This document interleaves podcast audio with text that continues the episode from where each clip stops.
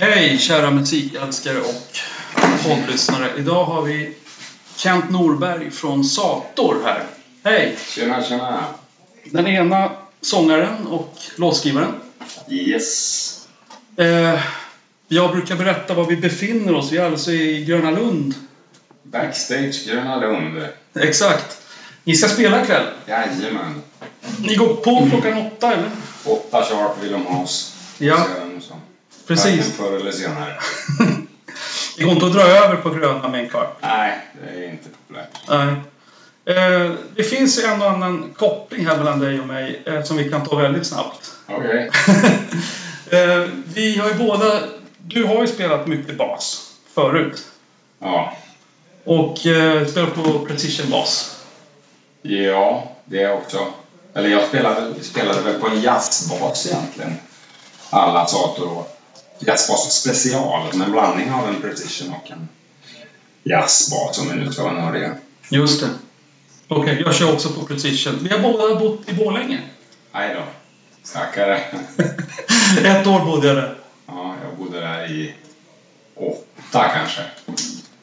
Ja. Du flyttade nog innan mig. Jag kom dit 2009. Ja, jag flyttade så fort jag blev könsmogen, höll jag på att säga. Du ville därifrån. ja, jag kom ju dit som 13-åring och var väl inte så förtjust att flytta dit redan från första början. Och så. Nej, men när man var färdig med det militära så drog jag. Ja. Det var många som gjorde det. Mm. Ja, men Borlänge är väl en sån stad som, som eh, må- många drar ifrån. Eller det är väl kanske alla mindre städer egentligen. Så här, man, man drar till storstäderna när det händer något. Ja. Jo. Så det var Göteborg på Sators eller ja, jag hade ett, halvår via Stockholm också i mitten på 80-talet. Ja, du har bott i Stockholm också? Okej. Ja. Eh, ja, nej, jag bodde där ett år som jag sa. Eh, vad har vi mer? Jo, jag tror att vi har en gemensam bekant. Tror. Okej, shoot. Johan Johansson. Johan Johansson känner mycket. Jag pratade med honom på telefon. Ja. Eh, en bekant sen den goda, eh, goda Strindbergs-eran. Ja.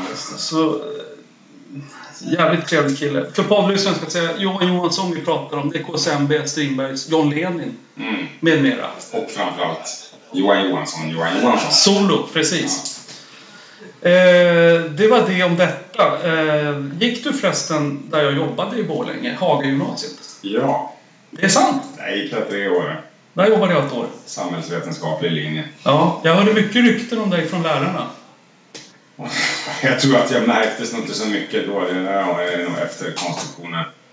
Ja, det var inga Till farliga exempel dåligt betyg i musik. mm, Det fick jag också. Jag fick nog en tvåa på gymnasiet tror jag. Ja. Det beror mycket på musiklärarna också, kan man ju tycka. Nej, jag överdrev ju såklart lite. Det var inga stora rykten. Men, men Sator nämnde ju lärarna. Ja, Och Mando Diao. vi var ändå tre Satorkillar som gick på Hagaskolan. Mm, jag hörde det. De är stolta. Sen var det någon från Mando Diao också som hade gått där. Säkert. Eh, Sky High vet jag inget om. Nej, inte jag heller. Eh, ni ska spela på Gröna Lund, ja. Det är stort. Det är, I år är det Elton John, Brian Ferry, Alice Cooper och Sator. Med fler. Känns det stort? Det är, ja, det är alltid kul. eh, vet, det går, kommer och går i cykler där. Ibland, vissa år är det de här storgiggen. Och som i år verkar det vara, vara ett sånt år. För, för ett par veckor sedan spelade vi på um, Sweden Rock. Mm, jag såg det. Jävligt mycket folk det var så väldigt passande tid för ett band som oss på, på Sweden Rock. Det är liksom eh, sent på eftermiddagen, sista dagen, folk vill bara höra något gött rockband och inte för mycket nej. eh, inte för mycket death sådär tidigt innan man har vaknat. Liksom. Nej, nej, Så nej. att, nej, men det var skitmycket folk och eh, det var väldigt bra gig. Så att. Ja, Nu är det dags för Grönan. precis. Stort. Alice Cooper kommer ju. Eller har han varit här redan? Nej, han kommer väl senare. Jag spelade i, på Liseberg förra året. Så, Ja, han har varit här också. han kanske... Det är alltid utsålt. Ja, Släpp inte in. Men eh, jag såg era spelschema. ja. Helvete vad ni är ute och giggar. Ja, men så har det varit de här... äh, Sen vi så att säga, vi har ju aldrig lagt av, men sen vi började om på allvar någon gång slutet på förra årtiondet. Mm. Vi gjorde en platta 2006 var det, det som hette Basement Noise. Och sen eh, efter det och sen bytte eller bytte management kan man säga. Liksom. Manager, vår manager Larna som också har sådana band nu med som eh, Graveyard och Millencolin och Mhm. sådana här band. Han tyckte att nej, nu lämnar vi Live Nation och kör själva istället. Jag fixar det grabbar. Och sen dess har vi spelat i några. Mm. Jag tänkte när jag såg det spelschemat, är ni heltidsmusiker igen nu? Eller är det någon som Ja. jobbar med något annat? liksom? Ja, Hasse keyboard och så Micke trummis. De har heltidsjobb båda två. Mm. Heikki har väl är det halvtid tror jag på så här Sörmlands teater. Och så är det jag och Chips då som inte gör något annat än att spela. Mm. Skönt, då är ni liksom tillbaka i där ni var på 90-talet. Ja, och, ja, och det, vi spelar ju så pass mycket så vi kan ju försörja oss på det. Liksom. Ja, underbart. Vi, har ju, vi har ju liksom varit lite smarta här. I och med att de här två som har heltidsjobb inte kan lira mycket. Så vi andra tre har ju en akustisk, halvakustisk variant av Sator. Just det, jag såg Och det. då är det helt plötsligt väldigt lättrod- lättroddat så man kan spela i princip var som helst bara det finns en liten sånganläggning. Mm. Vem är den tredje som är Ja, med? Heikki, Heikki är med? Ja. basisten. Mm, mm. Och så jag och Chips. Mm. Så att... Eh, Smart lösning. Är det annars mycket helger som spelningarna ligger ja, på? för det mesta är det är liksom... Om de andra jobbar heltid menar jag. Ja, det, det kan ju finnas som nu då, så här, mitt i sommaren. Då vill Grönan ha oss en tisdag som det är just idag när vi spelar in det här. Mm. Så då, och sen finns det ju liksom vissa städer, vissa ställen som har liksom speciella dagar. Men det, det är väl liksom de större städerna. Annars är det helgerna. Mm. Du, jag tänkte på en, en fråga jag kom på nu utanför manus. Wow. Hur gick det till när du bestämde dig för att sluta spela bas? Frågar jag som basist. Ja, egentligen om vi ska vara...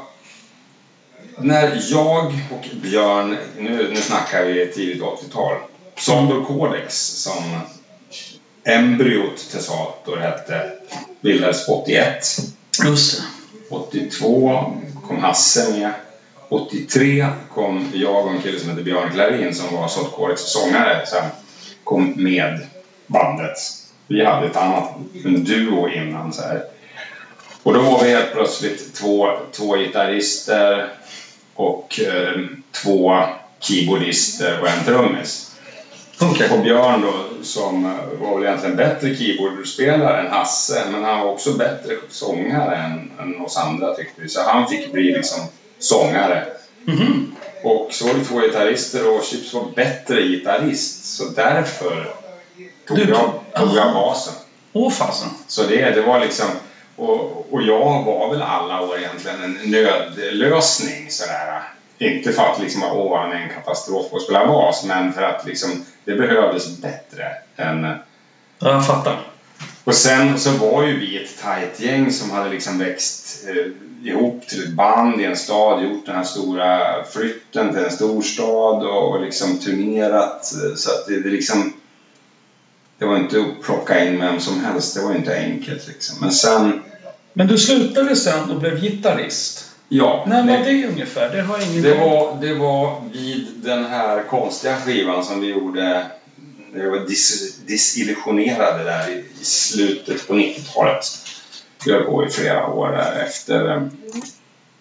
eh, Vad, vad är, vilken titel tänker du på nu? musical Differences. Jaha, ja den, okej. Mm. Och sen när vi slutade turnera det så ja, men då var inte jag sugen på att spela bas längre. Så, Det var efter den. ja, och då tog vi med åren som följde därefter så hade vi med Danne Levin som spelade i mitt andra band som jag hade samtidigt och som heter Spiro Sound Enterprise. Mm. Så då, då spelade han bas så fick jag liksom mer koncentrera mig på sång och kompgitarr. Men var det så att det var mycket roligare? Ja, men liksom alltså, om man ska vara riktigt ärlig så är det ju få leadsångare som är bra basister också. Det, det det, finns några stycken så här, Paul McCartney, Phil Lynott. Phil Lynott. Ja. Och ja, ja, det är inte så himla van. nej, så, och, och, och de är ju liksom jävligt duktiga liksom. Så det, det är lite så att både sång, i mitt fall då ska jag säga, både sången och vad heter basspelet blir ju lite lidande. Det blir någon liten medelväg sådär. Mm, jag fattar. Ja. För spelar du kompgitarr då, det är lite mer förlåtande. Det behöver liksom inte... Nej. Och, och jag hoppar ju runt massa och sådär så att... eh, Mm. Nej, intressant. Jag hade samma ämne faktiskt med Janne Borg från Strindbergs. Ja, ja. Bas och sång. Mm, han är duktig. Ja. Ja, han är teknisk. ja, nej men så sen eh, med Heiker så vi hade känt ett tag och liksom... eh, Spelar med Thåström. Ja, vi hade ju turnerat med Whale då, 98. Eh, Så vi, och, och känt varandra lite innan det. Så vi var liksom goda vänner och sen eh, ville vi inte Danne riktigt eh, fortsätta som basist utan han pluggade och grejer. Och, och vi kände så då började vi på Chips och börjat spela med Heikki hos Timme då. Mm. Så jag tror väl att ja, men Heikki var närmast till hans och sen liksom kände vi att ja, han är ju liksom en av oss. Och sen när vi hade kört ett tag så bara, ja men skulle inte du vilja vara Mm. fast? Och det var ju väl snart 20 år sedan nu. Med Heikki? Ja. Åh jävlar vad tiden går. Ja. Eller 20 kanske. Eller vänta nu. Det är 17 nu, så 20 det börjar vara 97. Ja. Ja, det är det ju inte då. Nej, men det är länge. Typ, Ja, typ så här år 2000 eller något sånt där. Tror jag han var med. ja det är så jäkla 17, länge. 17 år. Heter det? Jag tänkte hoppa bak en gång till här. Jag förstod ju, ni flyttade ju till Göteborg, Sator. Ef- Efter Slammer, va? Nej, nej. Långt innan. Långt innan Slam, Slammer, Ja, alltså fortfarande Sators Sa- andra platta. Sato Codex. Eh, Redan där? mm, Okej. 86. Ja. Eh, jag har en fråga om det. Jag har alltid tänkt så här när hela band Ja. flyttar till en annan stad. Vi har ju Kent, eh, Ark, eh, Cardigans, Popsicle, Eldkvarn gjorde ju samma sak Ja. en gång i tiden. Då har jag alltid tänkt så här. Eh, fan vad det låter råddigt och krångligt. Alltså man ska fyra eller fem lägenheter. Ingen har fast inkomst kanske. Eh, och så kommer man till en ny stad. Andrahandshyror kan ju vara skithöga. Eh, hur gick det för er? Ni kom till Göteborg fyra pers. Om, om vi backar ytterligare lite så ska man veta att eh, Chips, Micke och Hasse, de hade fasta jobb. Mhm. I Borlänge? Ja, ja. Ch- Ch- Chips jobbade väl på, på KFs bageri. Det, var väl, det tyckte väl inte han var så kul. Men, men alltså Micke jobbade inom järnhandel och Micke var så här stålförsäljare. Så de hade ju liksom bra jobb. Mm. Men eh, musiken gick före, även för killar med bra jobb. Jag vet de flesta som lirar och så får de något bra jobb och då släpper de musiken. Så här. Men vi hade gett oss fan på att vi Mm. skulle det. Så att eh, vi tog eh, banklån. Jaha, till lägenheter? Nej, till att köpa eh, bättre grejer. Okej. Vi köpte, eh, hottade upp våra förstärkare och P8 liksom, och... ja, Ja. Nej, men sådana grejer. Och sen så sa de andra upp sig när vi har fått lånet. För annars hade vi inte fått något. Nej, just det. Precis. Så tre killar, jag var den enda som inte hade något jobb så jag kom direkt från lumpen då. Så. Men i Göteborg, Ja, där behövde ni betala hyror. precis. Eh, ja, Eller vart ni heltidsmusiker direkt när ni ja flyttade ner? alltså jag tror väl att Chips bageri arbetade lite där nere ett tag men Chips hamnade ju snabbt i studiovärlden där med Musicamatic-studion där vi är nu mer delägare sen eh, Mhm. 20 år tillbaka eller något. Eller mer kanske till och med. Och så... eh, Bostäder, var det enkelt? Ja... eh, Chips... Ja, men man, då kunde man få lägenheter längst ut i ytterförorterna, Hjällbo. Alltså, Det var lättare? Micke och Chips och Hasse bodde i Hjällbo. Jag bodde hos våran ljudtekniker Danne i Kortedala. Så det, det löste jag. Men rätt snabbt så jag om och kring sig så vi hamnade ju inne i, i, inne i stan, så att säga. Ja. Nej, det gick att fixa. Ni fick Ja, rådade till det. Nu liksom, jag hamnade ju i Linnéstan. Nu går det ju inte att få något sånt. Men då var det ju liksom mycket sunkigare och det var ju det är porrkvarteren och runt Mm. Järntorget där. Nu är det så jävla hippt liksom. Så att, Mm. Man kan ju tycka att ert första genombrott var Slammer. Mm. Det kan man väl säga. Sen Mm. fick ni en uppgång till där, Mm. 92. Mm. Eh, Det var, och vad jag, fast, jag och mina kompisar lyssnade på Slammer. Vi var ju Ramones-diggare, Ja. så ni låg ju väldigt rätt hos oss. Ja, Det var att ni hade så satans coola låttitlar. Ja, Snake Pit Rebel, It's so cool without a gun, ja, What you are is what you get. ja. Och Gamma Gamma Hej med mera. Eh, Slammer, vad, vad tycker du om den idag? Den, jag Alltså- tycker den håller. Alltså om, om jag ska vara ärlig så... Alltså idag tycker jag kanske inte att det är vårt bästa men jag har aldrig varit så stolt för någon skiva som... Vi, halva skivan spelades ju in i Bryssel. Ja, just det. det Så vi packade in oss, vi hyrde en sån här Volvo-kombi och packade in allt. Vi hade gjort lite förgrunder och kom till en studio i Bryssel för att jobba med Shield Martin som hade jobbat med massa såna här med Tuxedo Moon och såna här Mm. hem, hemliga band som vi gillade. Så när vi kom hem från Bryssel och, och de låtarna vi hade, jag kände att det finns ingenting som är, som är så här bra. Nej, det, det var ju grym. Eller är. Ja, det, du vet, det var liksom, vi hade det här What You Are, Wasting Time och gamla, gamla, de liksom, låtarna kom Ja. vi hem. Men sen, sen gjorde vi klart liksom, och typ som Pig Valley Beach eh, in, eh, var en av de sista som kom. Liksom. Mhm. Som är inspelad helt och hållet i Göteborg. Men eh, alltså... Och så tog ju liksom ett halvår innan, för plattan kom ju 88 och vi, Det var på radio. och det var på sommaren 87 vi var nere i, i Belgien. Det dröjde så länge. Ja, ja, men det tar ju det vet du, i, i den där världen. Liksom, planering och, Ja. och sådär. Och skivan var ju inte klar förrän liksom... Vi hade ju halva skivan kvar att göra. Ja, ja, så ska det passa med utgivningsdatum för skivindustrin och så. Nej, så att de, det där halvåret man gick och väntade och bara liksom ett fåtal polare fick höra den här vi, var också jävligt hemlighetsfulla och man ville liksom inte bara, gå runt med kassetter och spela upp för folk utan vi bara teg och väntade liksom. Så en och annan hade fått höra de närmaste kretsen. Så man var liksom bara shh, här, fan. ja. Då låg ni på radion. Jajamän. Och då, Även första Sotokodis-plattan är på radion. Ja, just det. Eh, vi hoppar. Ni släppte Stock Rock and Nuts. Vi hoppar vidare också till 92. Då Mm. ni vinner en Grammis. Mm. Headquake. Ja. Eller det är väl 93 får vi väl Grammisen va? För året 92. Exakt. Skivan kom 92 ja. Ja. Eh, bra. Eh, då låg ni på ett majorbolag, Warner. Ja.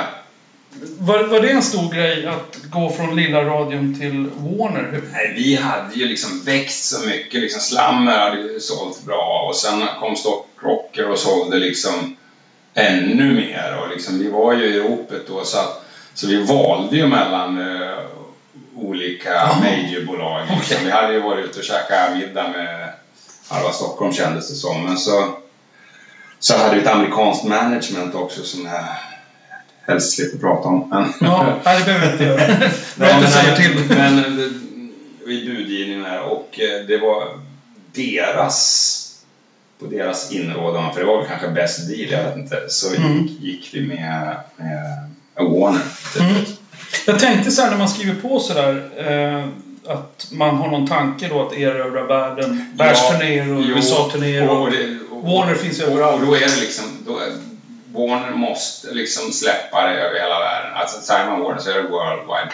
Men i praktiken innebär det ju att liksom, vi kan ju inte komma till Tyskland och kräva att bara Warner Tyskland ska ge oss någon slags prioritet. De släpper skivan, men det är ju bara liksom ett beställningsnummer att vi finns med i... Det är inte så att Åh, Sato är ett okänt band från Sverige eller ett indie. Vi har ju gjort flera turnéer i Tyskland men på liksom independent nivå. Det är inte så att vi kommer dit och får massa budget utan liksom att nej, nu kommer, den här veckan kommer nya Madonna och om 14 dagar kommer Prince liksom. Så att beröm det och så alla stora tyska egna artister. Så, här. så Ja, ja, just så man, man trodde eller hoppades mer men vi var lite för tidiga med den här svenskfrågan. Sen Var ni över i USA? Ja då. Ett par gånger, men då var det mer såna här, vi gjorde inga regelrätta turnéer utan det var ju liksom så här showcase-grejer några gånger, ett par tre gånger. Så att, och jag hade amerikansk management men de, de lyckades inte. Nej. Okej, okay. ni var ju riktigt feta i Norden i varje fall. Tyskland också ja, kanske? Det har man ingen Ja, eller framförallt på liksom Tyskland så var vi så jävla på gång på independent nivå men så fort vi hamnade på Warner då dog ju den mm. grejen. För då hamnade vi, du vet, i för stora byxor om man ska. Ja, jag fattar. De hade ju Madonna och marknadsföra. Ja, ja precis. Och, och, och, och, så, och då tappade vi hela den här indiemarknaden. Men, men i rättvisans namn så gick det ju så jävla bra här uppe i Norden så att vi hade ju liksom fullt upp med att gigga här. Liksom. Mm. Och bra, skitbra betalt också. Det var därför vi inte åkte så här Spanien och det. För vi sålde ju inga skivor där men så får man höra många, många år senare att varför kom ni aldrig till Spanien då? Ni var skitstora här liksom. Men folk hade ju vet, kassetter och så här. Så det ja. var på den nivån liksom. Ja. Men vi var liksom superpoppis. Men men, men, det syntes inte i någon skivförsäljning så att Nej. Och så liksom, ja klart jag kan komma ner och spela men dåligt betalt. Men så man, äh, vi stannar hemma och spelar på Gröna Lund istället och får kosing. Ja, ja. Nej, det var roligt. Jag var i Tyskland lite grann turnerade på underground-nivå med Tequila Girls och då var ni där samtidigt på en turné. Ja, ja. Så några av städerna så såg jag era posters. Ja, ja. Rätt feta posters där de smälte upp. Vad var det för turné?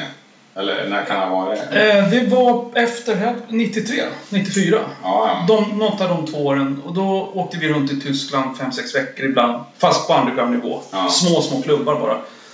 Och då, varje stad jag kom till tänkte jag måste ju se Sator. Fan, jag är i Tyskland och de är i Tyskland. Men, och så, ja, men, ja, hela tiden. För vi, vi hade så liten budget så vi kunde inte stanna. Nej, vi var tvungna att åka vidare. Vi gjorde ju jävligt stora turnéer också, fast inte på, av egen merit. Och vi åkte i förband till Tottenhausen. Mm. Så vi spelade ju liksom ishallar och sånt där. Ja. Och blev behandlade av Tottenhausen som Ja, inte någon förband utan deras gäster liksom. Ja, så ska Så, så de liksom, i vanliga fall ska åka på någon turné i England så får, får ju förbanden köpa in sig i produktionen. Ja, de bara bjuder på allt. Samma, samma hotell som de bor. Vi kan åka med deras buss, vi kan ta en egen, ingen roll, då betalar de för det också. Tyskland var skitbra att turnera i, även på min pyttelilla underground-nivå. Det finns alltid... Det var bra riders och... och ja. Vi, vi, vi, vi, att vi överhuvudtaget fick eh, riders och sånt där och små billiga hotell eller arrangörer var det mm. ofta. Det var ju för att vi kom från Sverige. Mm. De har inte hört så mycket. Det stod bara Aus Schweden på affischerna ja, så var det, kom det hundra. Ja, det gick ju då att komma från Sverige då. Så ja. var det två i England. Ja. Ni var i England och också? Nej, har bara varit i England i modern tid, inte på den tiden. För vi var, var för stolta för det. Liksom, vi har kunnat göra sådana, göra sådana förbandsturnéer redan innan slammer så ville New Model Army ha med oss. Ja, fan de var bra. Men eh, vi skulle inte få något betalt och liksom inte ens liksom bärs eller mat. Vi skulle kunna få liksom så här chips och det som fanns i logen. Det är så usla... Ah, Alla band säger att det är usla villkor i England. Oh, Helicopter, Soundtrack Over Lives. Alla tycker det är skit där. Och då, då har ju de banden du räknar upp har ändå nått en viss nivå liksom. Så det, det var inte mm. någon nybörjarband direkt. Nej, nej. Byta om i kolkällaren eller någonting. Eh, det, det, finns en textrad som är fantastisk på Headquake. Eh, till poddlyssnaren ska jag säga, om man har en tjej och sen så tar man ett par groggar eller en, ett par bira. Plötsligt vill tjejen börja prata deep talk eller något, eller vill prata allvar. Mm. Men man vill själv ta en bira till. Mm. Vilken låt tror jag syftar på? I rather drink than talk. Ja. För ordningens skull ska jag säga att Otroligt texten, genialisk text. Alla fattar den som är killar. Och det är väl 100% Chips Kisby kan jag väl... Han skrev texten? Ja. ja. Jag har inte petat in många konsonanter i den låten. Nej. Eh, poddlyssnaren ska bara säga, lyssna på den. Why don't you shut up, take a walk, I rather drink than talk. Mm. Talk and walk. Ja. Och just Shut Up. Ja. Genialiskt. Eh, sen släppte ni en platta 95. Som heter Stereo. Ja.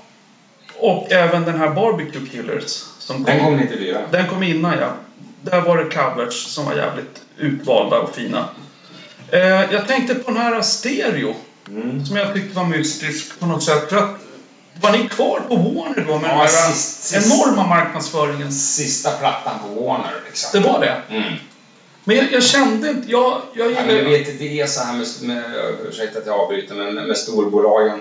Som när vi signade på Warner efter Slammer och Stock Rocket till Headquake, där vi fick Grammys. Vi var ju så heta då så vilket jävla bolag som helst hade lyckats med det liksom. Så att, Mm. eh, Och är det medvind då, då, då går det bra liksom. Mm. Då, alla, men liksom, Vad hände med stereo då? nej men det är väl liksom Den är ju Ja, lika liksom- bra i princip. What comes up must come down liksom. Och, Ja. och Warner hade väl lite dribblat bort Barbecue Killers i och med att vi, vi, vi gjorde ingen uppföljare till uh, Headquake. ja, det kom Barbecue Killers kom. Ja, precis. Och det var ingen liksom, uppföljare till Headquake direkt. Nej. eh, För att det var covers och så här. Så, och, och, och Mattias på Warner han sa att han ångrar lite grann att han inte tog den på mer allvar. Liksom. Han tänkte ja men grabbarna vill göra en liksom, skiva för sin Mm. egen skull, vilket det också var. Liksom, och ta bort lite förväntningar. Men den gick ju rätt upp. Det, var, och det är bara det är inte för att skivan var så jävla eh, superhet, men den gick ju rätt upp på andra plats på topplistan. Mm. Eh, och, men det var ju för att vi var heta liksom. Mm. Så vi har ju kunnat släppa vilken skiva som helst där och den har gått högt upp liksom. Men eh, och sen, ah, Warner satsade inte riktigt på den och sen, du vet, då är det ett år till och så, eh, ja, vi var väl inte, vi var ju inte liksom talk of the town längre utan, vet, 95, ja då hade det börjat dyka upp massa annat liksom. Mm. Mm. Det kommer nya band hela tiden liksom. Mm. Och Eh, liksom är man inte på så här äh, Kent-nivå så, så man har liksom supertrogna utan ja, ja men du vet. Mm, ja, jag fattar. Det Det, kommer mycket sånt här lite... För vi var ju någonstans mitt emellan liksom rock'n'roll och men ändå en fot i liksom indie-världen också. mm. Och, sen, och då kom ju mycket så här Oasis, sån här britt Mm. popvågen så då blev det jävligt hett eh, Mm. då. Mm. Ja, men det är mycket tidens strömningar. Ja, olika faktorer. Och Ja, visst. Eh, sen har jag i varje fall 16 år till nästa platta. Nej, du har tre år till Musical Difference. Ja, just det. Den glömde jag bort. Mm, det brukar man göra.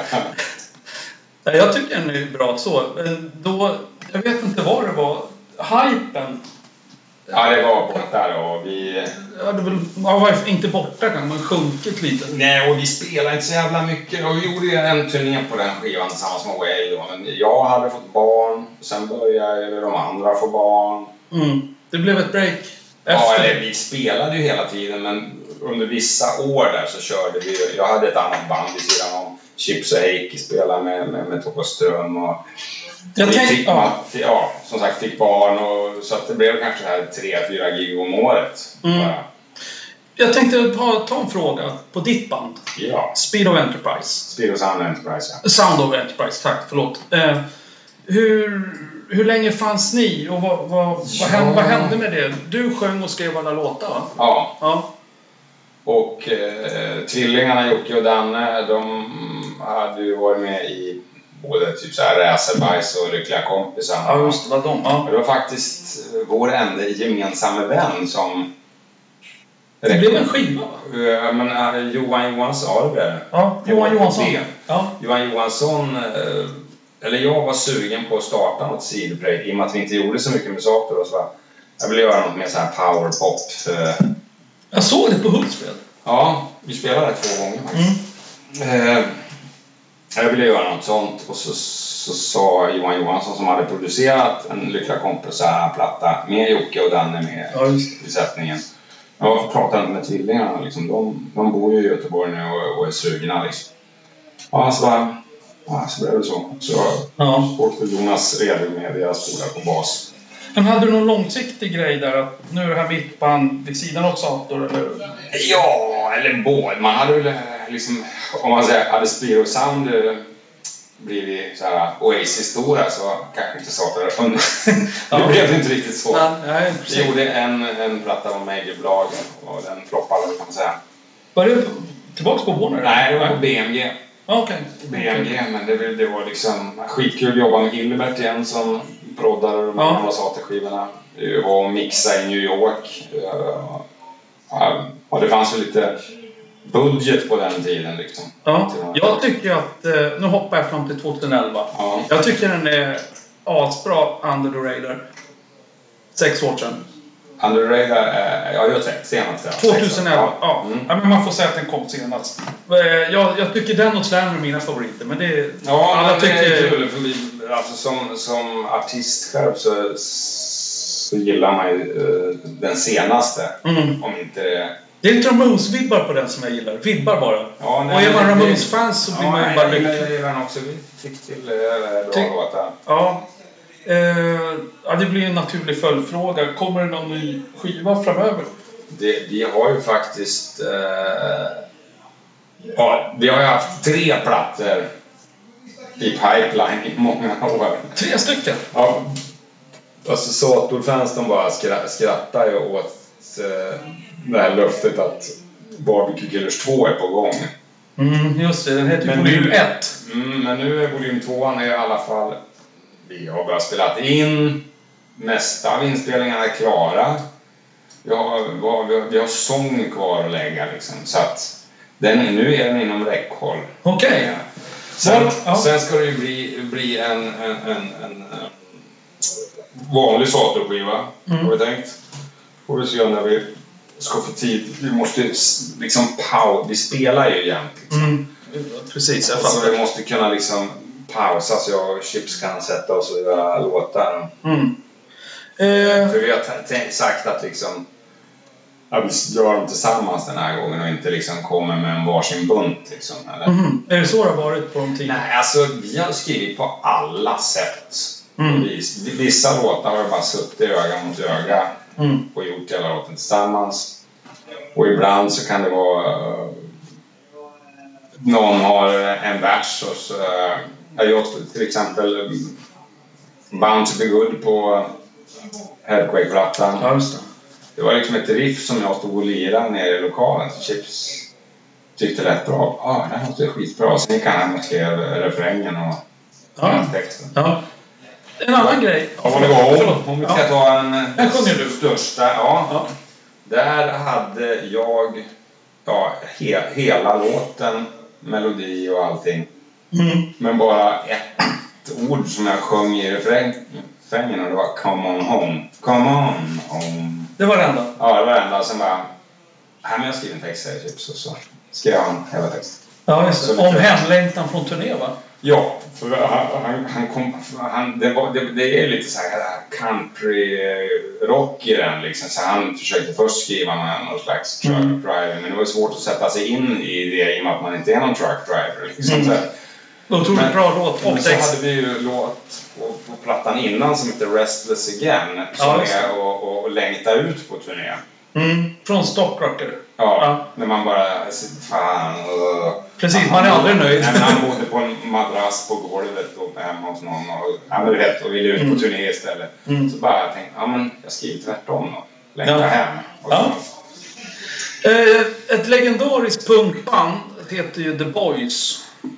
Yes. Där är ju du, Här, Kent. här ser man ju då inte, man kan ju det. se det i en podd. Nej, Kent Ja. visar upp. Berätta vad du visar. Två badges på min skinna. Jag har bara två badges och båda två är The Boys. Ja. Eh, du är ju basist i The Boys. Yes.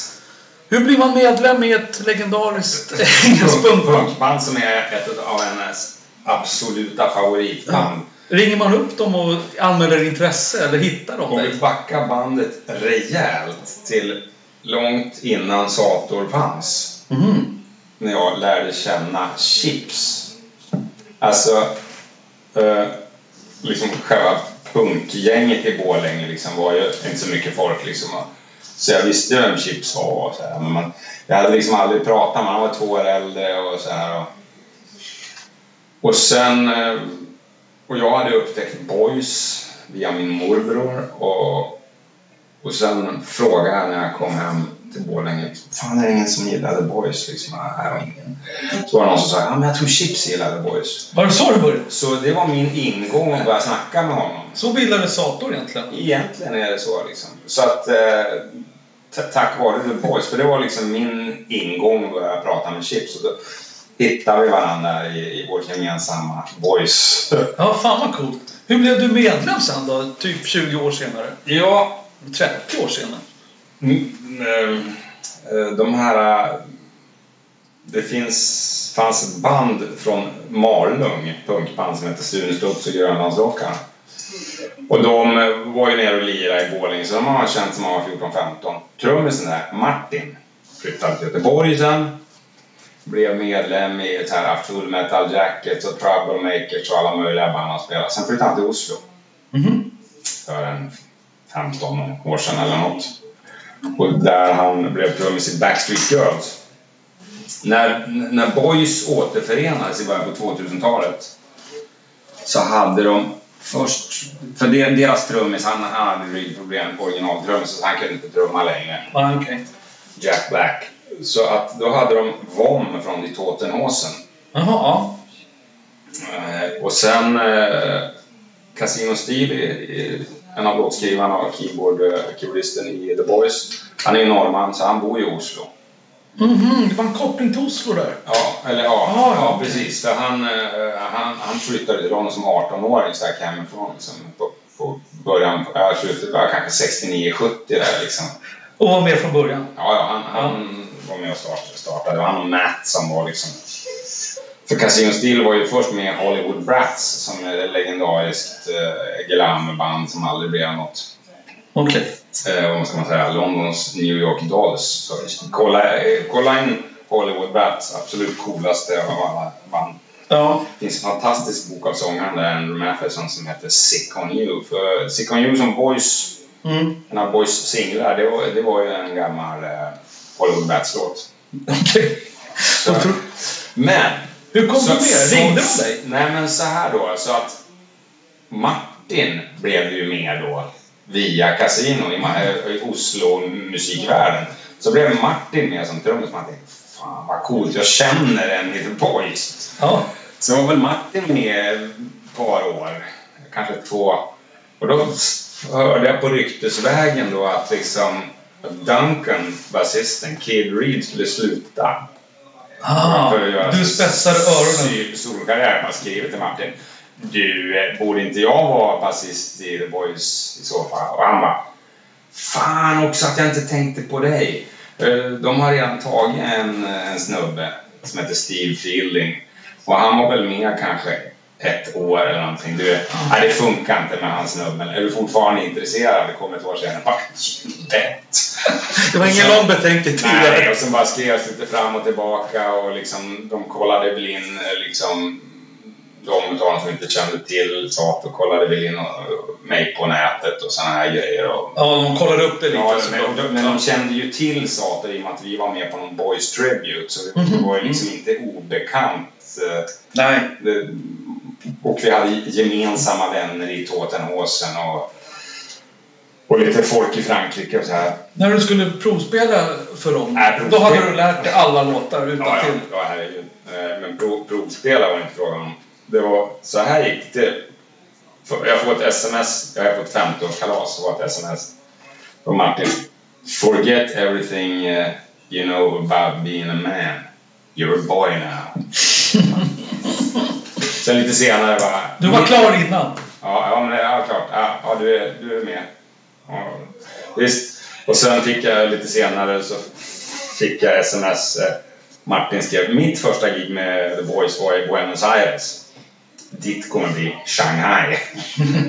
så jag, jag, jag åkte direkt från semester i, i, i Kalifornien.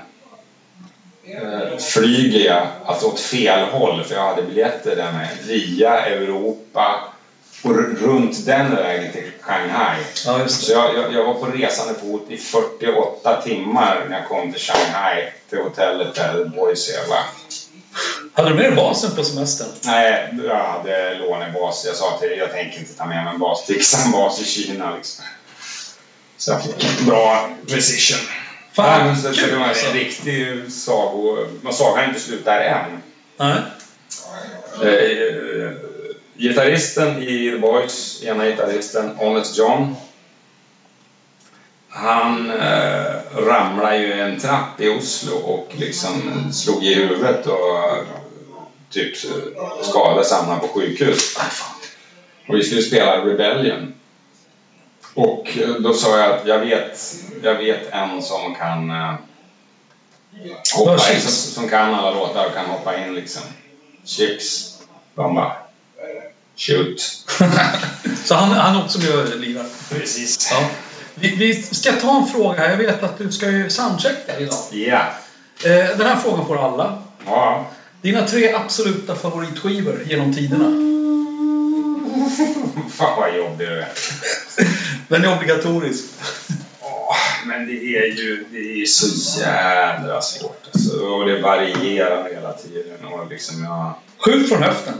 Men om man säger no, n- några... Jag, jag kan... Ja. Alltså, Ramones första. Mm. Eh, Den är med. den är med. Klassiker. Den, den, den är, tillhör i, i toppskiktet där. Och då, men då får den symbolisera liksom punkgrejen. då, För då skiter jag att ta med några boys eller några andra sådana här Damned eller några favoriter. Mhm.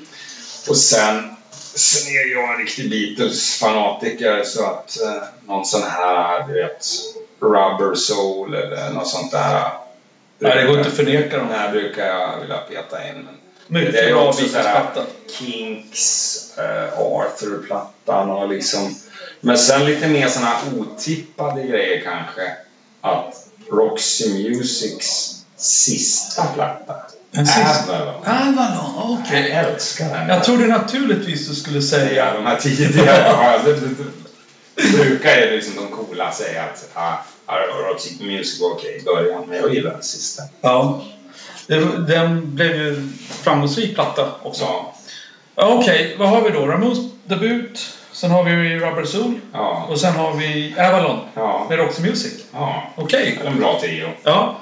Och sen... det är såna här skivor jag kan spela vilken låt som helst. Ja, de är ju tidlösa. Vet du vilken som är min Ramones favorit? Ska vi gissa på Rocket to Russia? Ja, det, det kunde man ju tro. Nej, den som kom efter debuten. Jaha, Leave Home. Leave Home. Jag är galen i den. Ja, men då har du en... Korta, snabba låtar. då, då, då har du... eh, Och snabbt går utav helvete. Då har du en Saturn där. Chips favoritplatta också. Ja. Så. Eh, livekonserter, de tre bästa du har sett.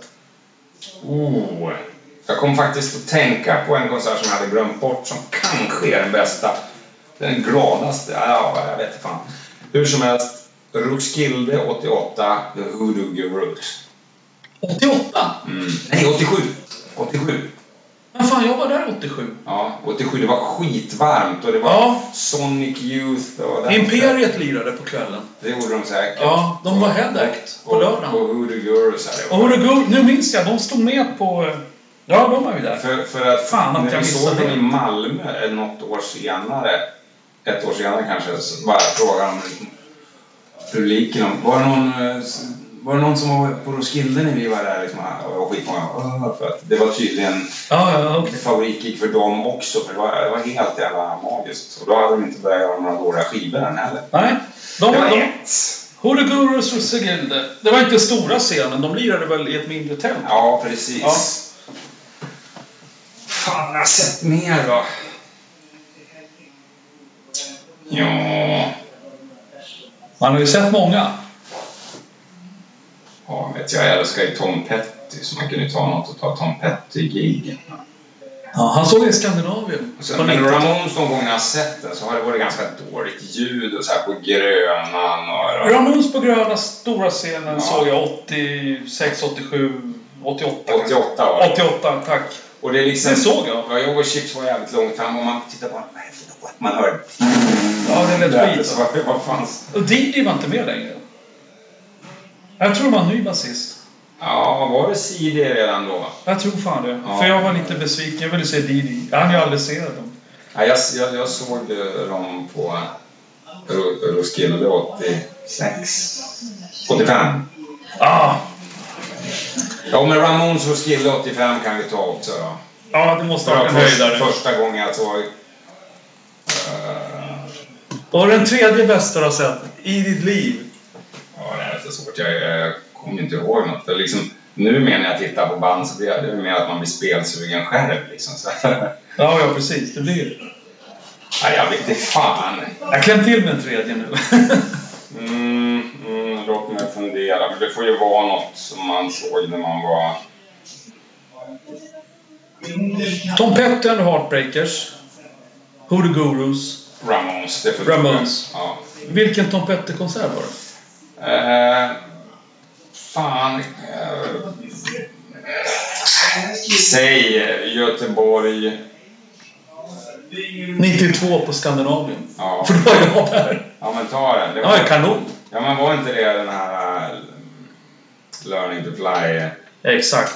De var ute på ett segertåg. Ja precis. Då hade han först gjort sin den här soloplattan. Precis, som också är skitbra. Ja, ja. Men jag ser ju det. Jag tycker de låter... Jag hör ingen skillnad på att det skulle vara solo eller Inte jag heller. Otroligt. Jeff Lynne producerar båda två. Vad fan. Eh, då är vi klara Kent. Vad. Du ska ut och soundchecka snart. Ja, jag På Grönan. Jag hör lite gapiga, skrattiga röster där ute. Jag tror att grabbarna börjar samlas här på Gröna Lund. Eh, vad kul att träffa dig. Detsamma. Eh, lycka till på giget ikväll klockan åtta. Ja. Ja. Och har du några funderingar om, om någon hemlighet som tog upp så får du väl ringa om du känner att ja, det, det här glömde jag fråga. Det får jag göra. Ja. Tack för att Tack. Vi ses! Det gör vi. Hej! Hej.